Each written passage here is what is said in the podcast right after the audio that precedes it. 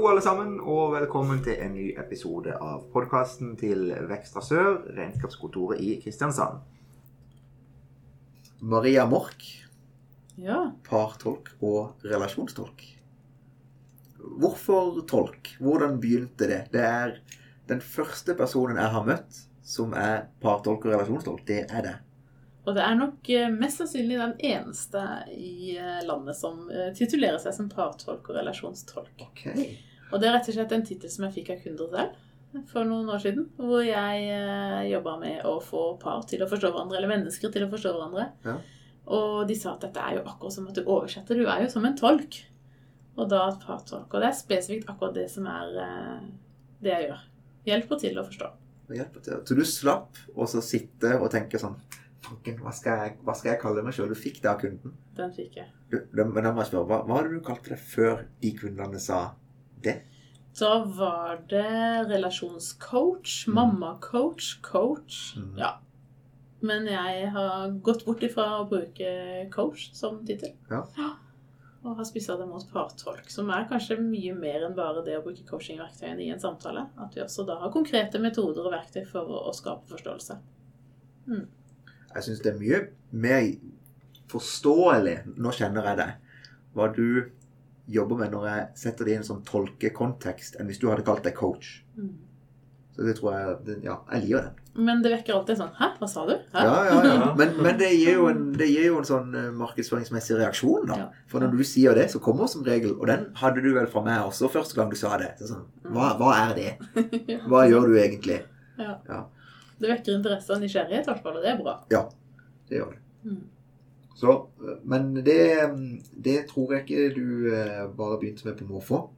Hvordan var det dette begynte? Ja, det starta egentlig for snart ti år siden. Eller kanskje litt før det også. Men jeg fikk barn nummer to og jobba på den tiden i barnevernstjenesten som, eh, som saksbehandler. Hjalp og fulgte opp eh, barn og ungdom i fosterhjem. Mye veiledning. Syntes det var en kjempespennende jobb, men også sykt mye saksbehandling som jeg overhodet ikke syntes var gøy. Det var jo det å følge mennesker, det å være på farten, det å, å kunne guide og veilede. Ja.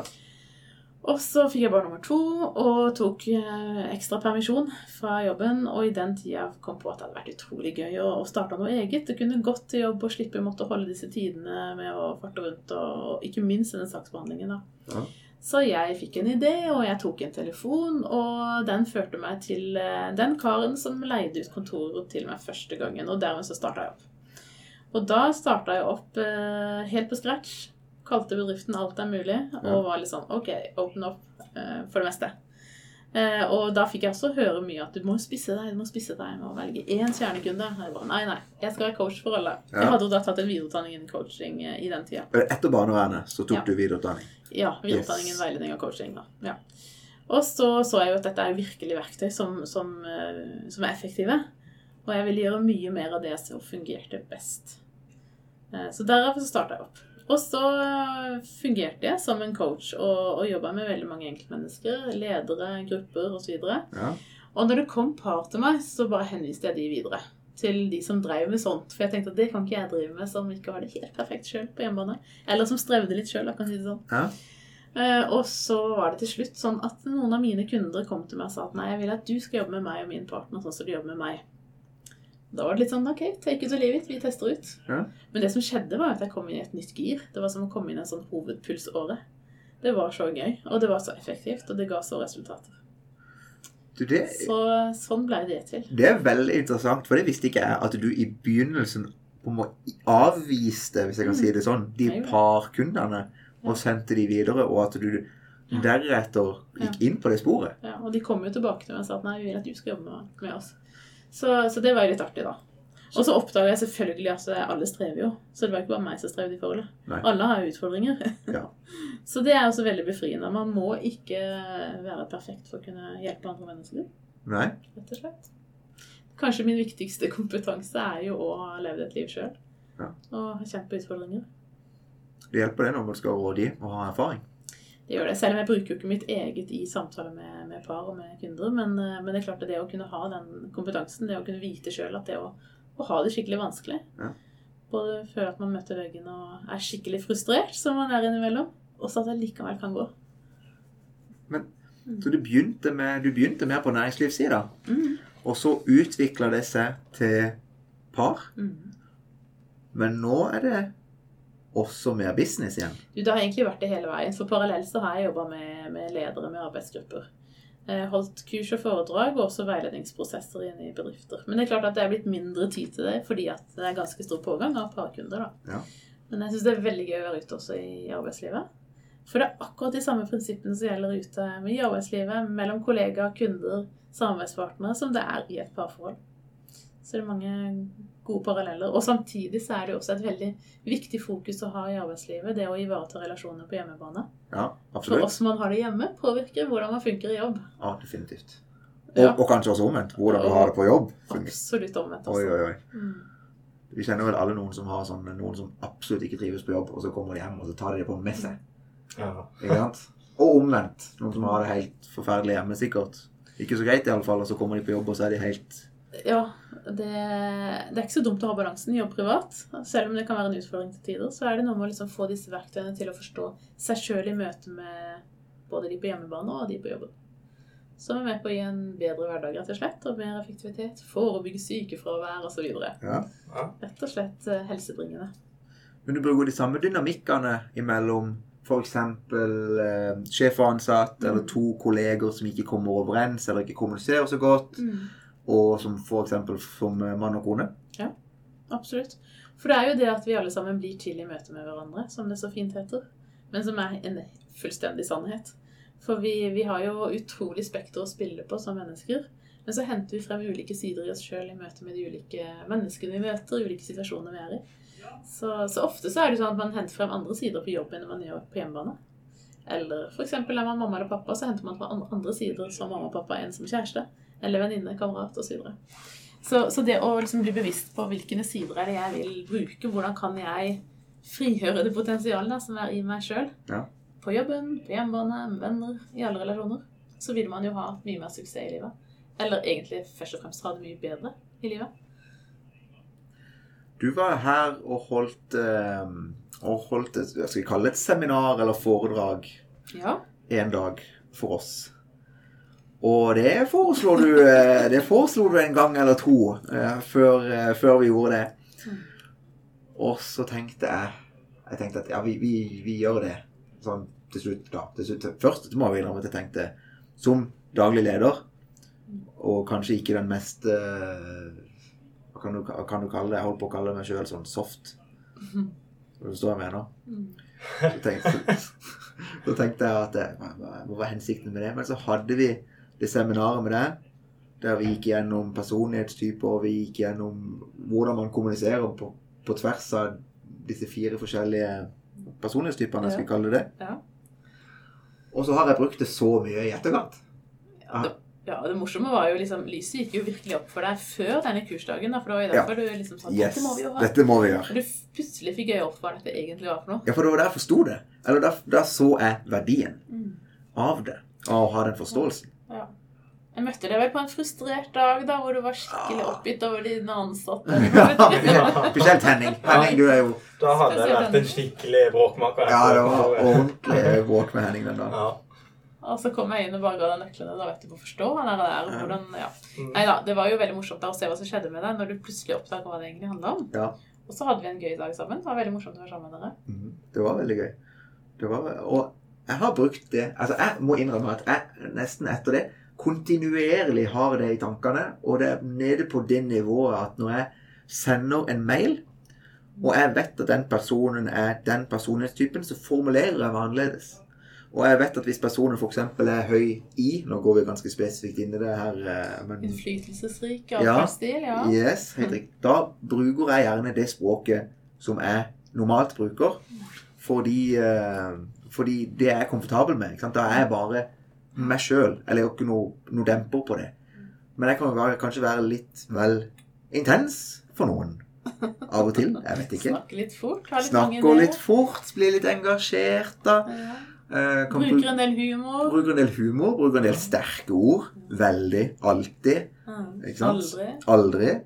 Eh, men etter det så, så, så har jeg ja, skjerper meg på det, holdt jeg på å si. Selv om det er egentlig ikke det heller. Men jeg modererer meg. Eller jeg, jeg skreddersyr. Jeg kan skreddersy min kommunikasjon sånn at jeg får kommunisert det jeg ønsker, og jeg ikke blir feiloppfatta. Ja, det er akkurat det. Ja, rett og slett sånn at For jeg Poenget er jo ikke at du skal forandre deg. Det er mange som kommer og sier ja, men jeg, jeg er sånn, du må godta meg.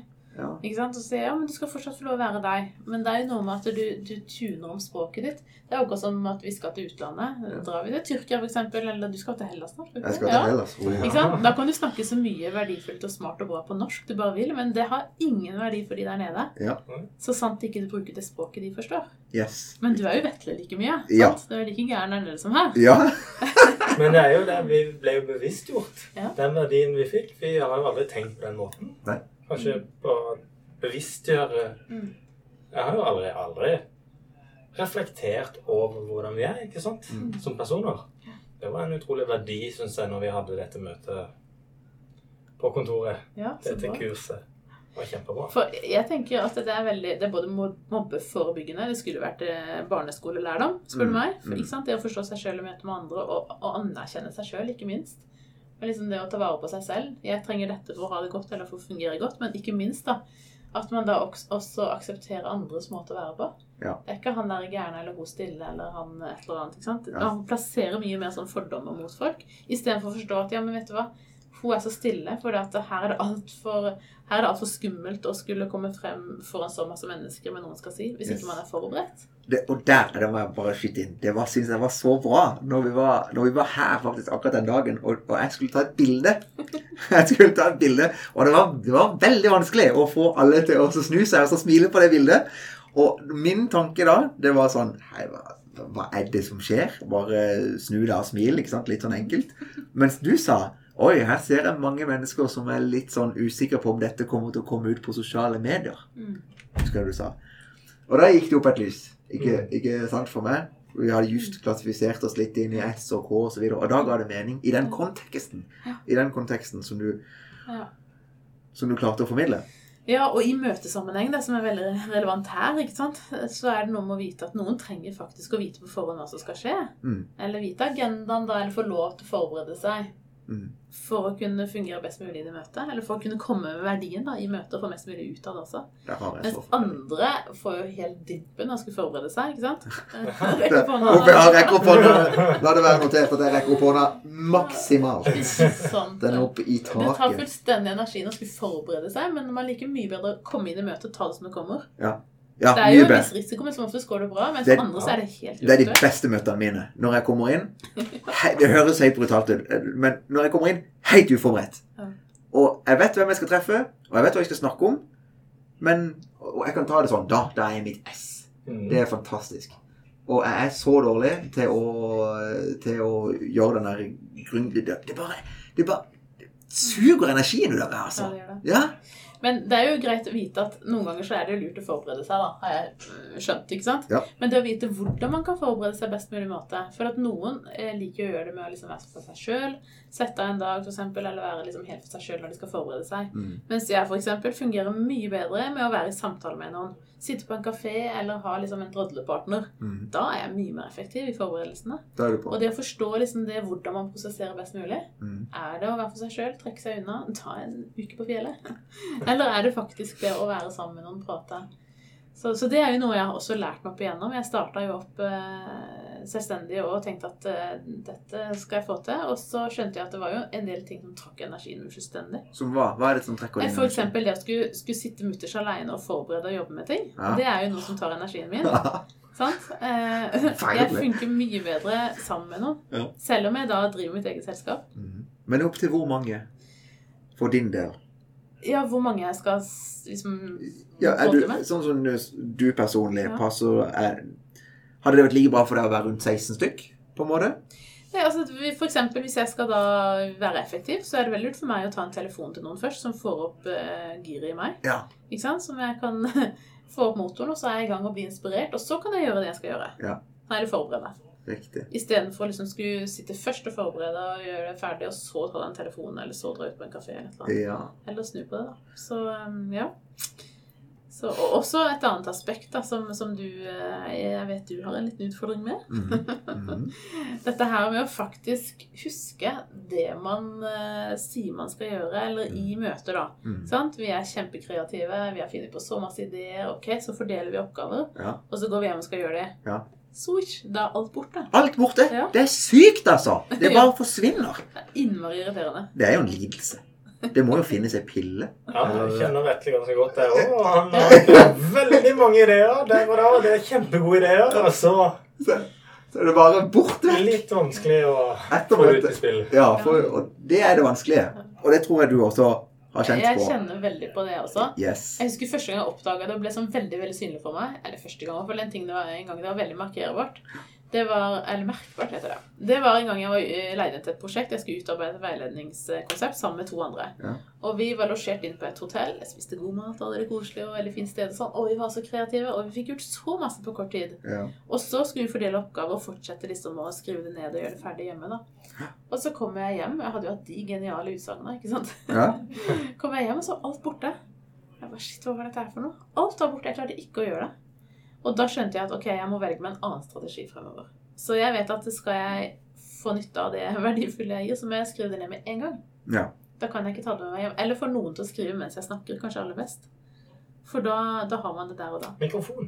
Ikke Kom med sant? mikrofon. Ja. Ja det, det er faktisk ikke Det er faktisk ikke dumt å ha vurdert samme tanke, tankegreia. At jeg burde, når jeg går i møter Mm. eh, faktisk, Ja, sette på en mikrofon og ta opp det møtet.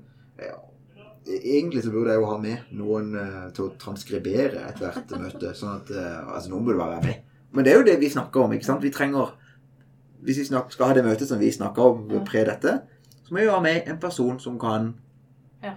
være litt som praktiker å gjøre det, faktisk. Sette Ja. det inn i en ramme skisse. Men, men jeg tenker at det er en sånn kjip konsekvens da, av å være sånn, eller ha det sånn, det er jo at f.eks. i møter kan man eh, ha veldig mange gode ideer, man kan komme fram til veldig mye, og så skaper det veldig håp i de man har rundt seg, sant? Så tenker jeg yes, dette Vetle har virkelig funnet løsningene hvor han kan redde livet mitt, liksom. Løsninger på ting og tang. Og så stilles det så store forventninger. Men han har jo glemt det i neste sekund hvis ikke han har skrevet det ned, eller handla på det. Det er helt riktig. Nå setter jeg deg i loopen, da. Det er jo mange som kjenner seg igjen i dette her. Jo, mange kjenner seg igjen, men Undertegnede inkludert. Så liksom det der å skrive det ned og faktisk stille spørsmålet hva skal til for at det blir sånn, det er et godt spørsmål å ta med seg da, i møte med sånne kreative eh, mennesker som kanskje har litt sterke ord. Mm. Det å, å, å spørre hva skal til da, for at det faktisk kan skje. Eller det blir noe ut av det. Henning, du kjenner jo igjen at jeg har, jeg har den utfordringa som jeg har. Ja. Ja. Men samtidig så er det litt sånn Det er jo himla kostbart da å ta med seg inn i Å tar med seg én person Nå kan jeg snakke norsk. Med Ja. seg, med seg hele tida. Men jeg kjenner jeg, jeg har ikke noen løsning på det. Men jeg har blitt mer bevisst på min egen shortcoming, hvis jeg kan snakke nynorsk. Altså, jeg har blitt mye mer bevisst på at sånn er jeg. Og etter at du var her den dagen, så har jeg lært såpass mye mer om meg sjøl at hver onsdag nå, så har jeg hjemmekontor. For da vet jeg at sånn får jeg gjort ting. Og det var for meg før helt umulig. Altså Det var helt utenkelig i fjor høst at jeg skulle ha hjemmekontor hver onsdag. For det var ikke nok tid. Men nå må man bare lage tid. Ikke sant? Du har fått et nytt liv, du, altså. Ja, jeg Det er jo fantastisk veldig. Ja, det var det. Det var rett og slett eh, Og den, den dagen der er utrolig verdifull for meg. For når jeg er hjemme på onsdag Jeg får gjort like mye som jeg får gjort på tre dager her. Og det er jo ikke noe med at jeg er mer effektiv hjemme. Men det har noe med at meg som mennesketype jeg er mer effektiv når jeg sitter alene og jeg ikke blir forstyrra, og jeg kan ordentlig fokusere. For det er hver gang jeg blir avbrutt, så tar det meg 15-20 minutter å komme i gang igjen. Mm. Ikke sant? Og det, men det, og det er bare sånn som, som jeg fungerer. For det, når jeg blir på en måte stansa eller hooka tak i, så girer jeg ned. Mm. Og så må jeg opp igjen i girene, og så, så girer jeg ned. Mm. Mens andre ville jo kanskje vært annerledes og kanskje gira opp av det og fått energi av det. Men for meg så er det Jeg er som jeg er. Ja, for jeg er som jeg er. Og dermed så kan jeg nå med den, viten, med den vitenen tilpasse min arbeidshverdag sånn at jeg netto leverer mer enn når jeg var mer på jobb Mm. i anførselstegn før. Så bra. Et annet aspekt som veldig mange kjenner igjen, er jo, er jo verdien eller betydningen av måten man snakker på, altså tonefall i stemmen. Ja. Det å være påengasjert, ikke sant. Mm. Det kan for noen bli kjempestress å være med på å bremse. Hvis man da er såpass engasjert man virker kanskje litt irritert òg, litt veldig på. Ja. Eh, Det du til. og, og det å, å være liksom, bli konfrontert, det å sitte i stressituasjoner, det å være sammen med mennesker som er ganske sånn kvasse rett på, Ja. som i seg sjøl egentlig ikke er noe gærent, da, men det blir bare så utrolig begrensende for de som er harmonisøkere, de som trenger ro, Ja. de som trenger mer den der vennlige tonen i stemmen, får lov til å tenke litt før man skal svare. Ja. Og du og jeg, vi snakker jo veldig fort. Jeg skjønner ikke hva du mener. Jeg, jeg snakker veldig sånn. Du snakker fort, nå. ikke sant? Og det i seg sjøl kan være begrensende for de som trenger litt tid til å, å fordøye det og tenke gjennom det. Og, sånn. og det å skjønne det har vært med på å redde mange relasjoner, rett og slett.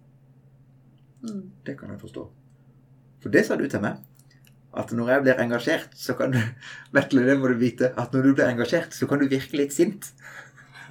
Det har jeg sagt når jeg nå snakker foran forsamlinger. Ja. Så hvis jeg nå virker sint, så er ikke jeg sint. Jeg var veldig, veldig engasjert. Ja. For det, dette er noe av det gøyeste jeg prater om. Hvis jeg snakker om hvis jeg snakker om forbrukerpsykologi eller Mm. salgstrening og sånne ting som jeg bare tenner sånn ordentlig på, da kan jeg til tider virke sint. Men det er Det bare er jo veldig kjedelig å bli misforstått. Ja, veldig! Ikke også, sant? og hindrer det også de som hører på, å ta imot det du faktisk sier. Ja. For de hører bare det der, den high-musikken. Og så blir de defensive Mm. likevel. Men når jeg innleder med det, som Mm. at jeg har lært det om meg sjøl, Ja.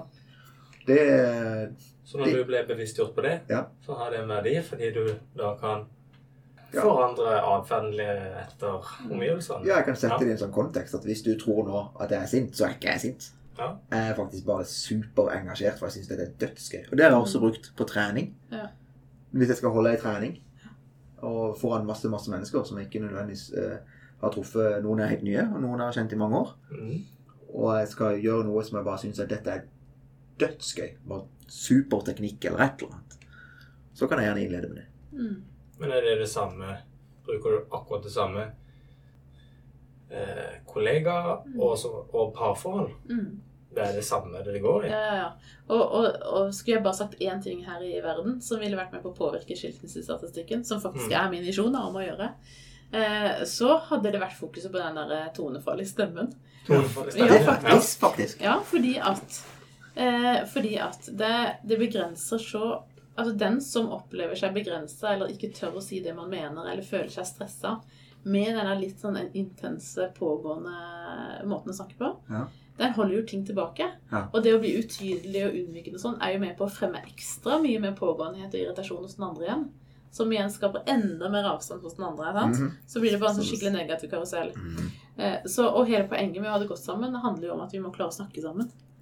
Eh, For å både ha det gøy sammen, for å kunne forstå hvordan vi egentlig tenker, og hvordan vi har det, og hva vi trenger, osv. Så videre.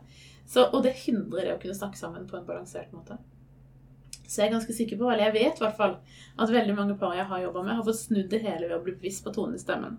Og det betyr at begge to blir bevisst. Da. det er ikke bare den enes skyld. på en måte. Ja, Det handler om at det er den som da er gjerne en som blir stille og unnvikende, og det stopper opp i huet på en måte. Ja. Man kan være kjempesmart, men tankene forsvinner mens man er i en sånn pressa situasjon. Ja. Den personen også må trene seg på å bli tydeligere. Og kan også si at vet du hva, akkurat nå så trenger jeg å tenke gjennom det du sier.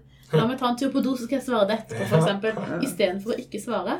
Istedenfor å trekke seg unna, eller bare svare plisende det man tror den andre vil høre. For å unngå det ubehagelige.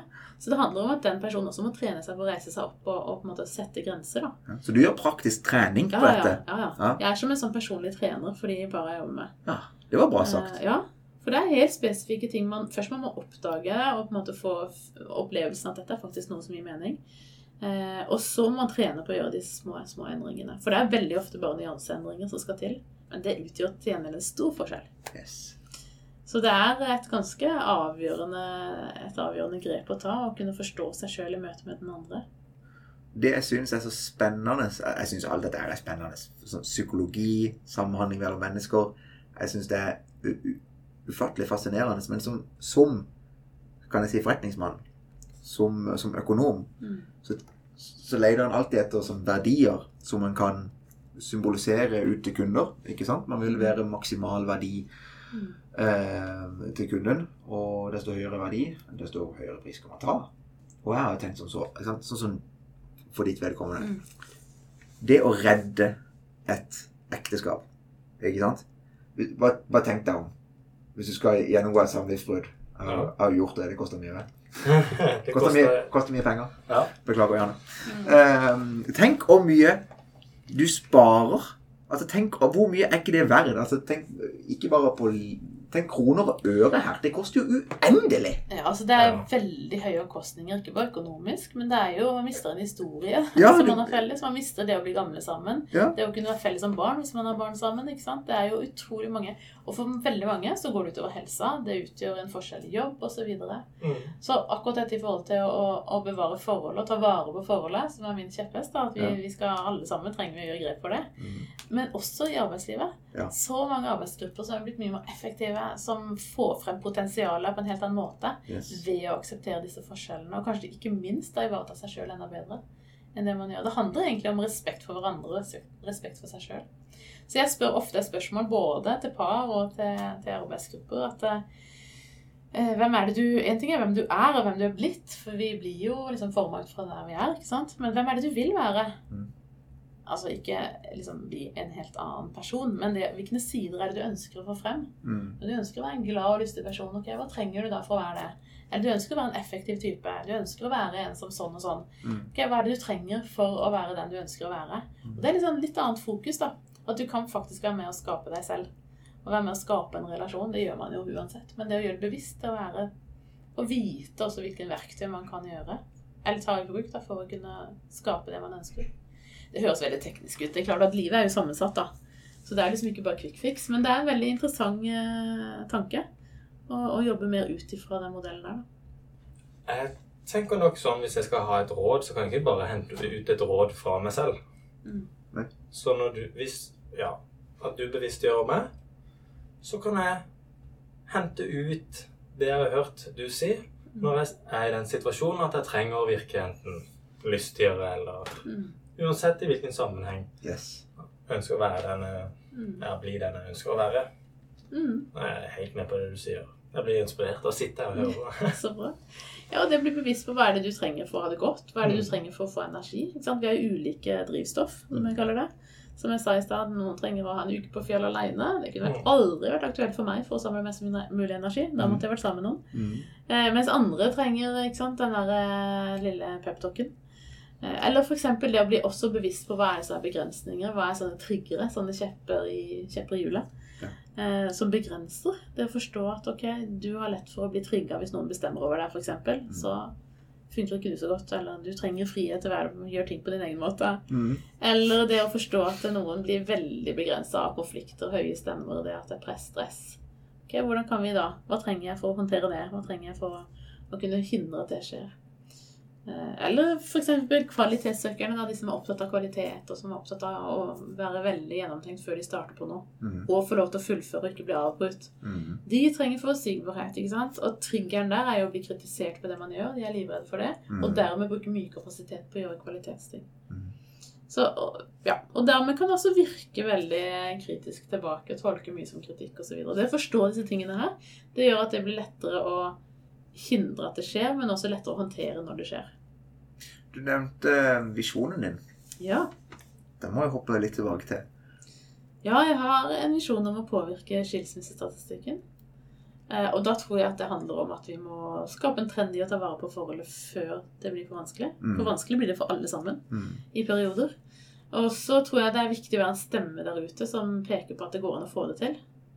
Det er liksom ikke bare for en tid, og 50 av bare skilles, heter det. Det er ikke en helt sannhet, egentlig. Mm. Men, men allikevel så påvirker det oss. I VG så er det stadig overskrifter om at 20 tegn på at det bør skilles. Ja. Og da bare roper jeg høyt at nei, nei, nei. Bare altså, de grunnene trenger vi ikke å leite etter. De er jo veldig åpenbare ofte når Ja. man har det vanskelig. Men heller liksom peke på 20 gode grunner til å ikke skilles, og Ja. hvordan man kan faktisk få det til å gå. Det handler om et perspektiv der. Det er akkurat som du sier det. Sånn, ti, ti grunner til å skille seg, 20 gode grunner, bla, bla, bla. Jeg har sett akkurat det samme. Jeg har sett det etter at du sa det til meg. ja. At du reagerte på det. Så jeg tenkte sånn det, Og vet du hva, så er kommer det sant. ja, og så Spesielt ofte kommer det rundt liksom ferietider. Ja. Ferie og etterkant av ferie så kommer det sånne saker. Så, så det jeg ønsker, er å være en stemme, eller partolken skal være en tydelig stemme ut og skape håp. Og ikke minst er veldig praktisk og konkret i sånne små tips som er inne i hverdagen. Yes. Så jeg har bl.a. Uh, noe som heter Parforsikringen, da, som er en medlemsportal, hvor du kan få lov til å være med og, og få input-inspirasjon, konkrete hjelpemidler i løpet av hverdagen din. Mm. For de fleste har det jo hektisk, er engasjert, og det er veldig lett å bruke tid og penger på alt annet Ja. enn faktisk forholdet, som er det viktigste. Men parforsikringene koster ikke all verdens heller. Nei da.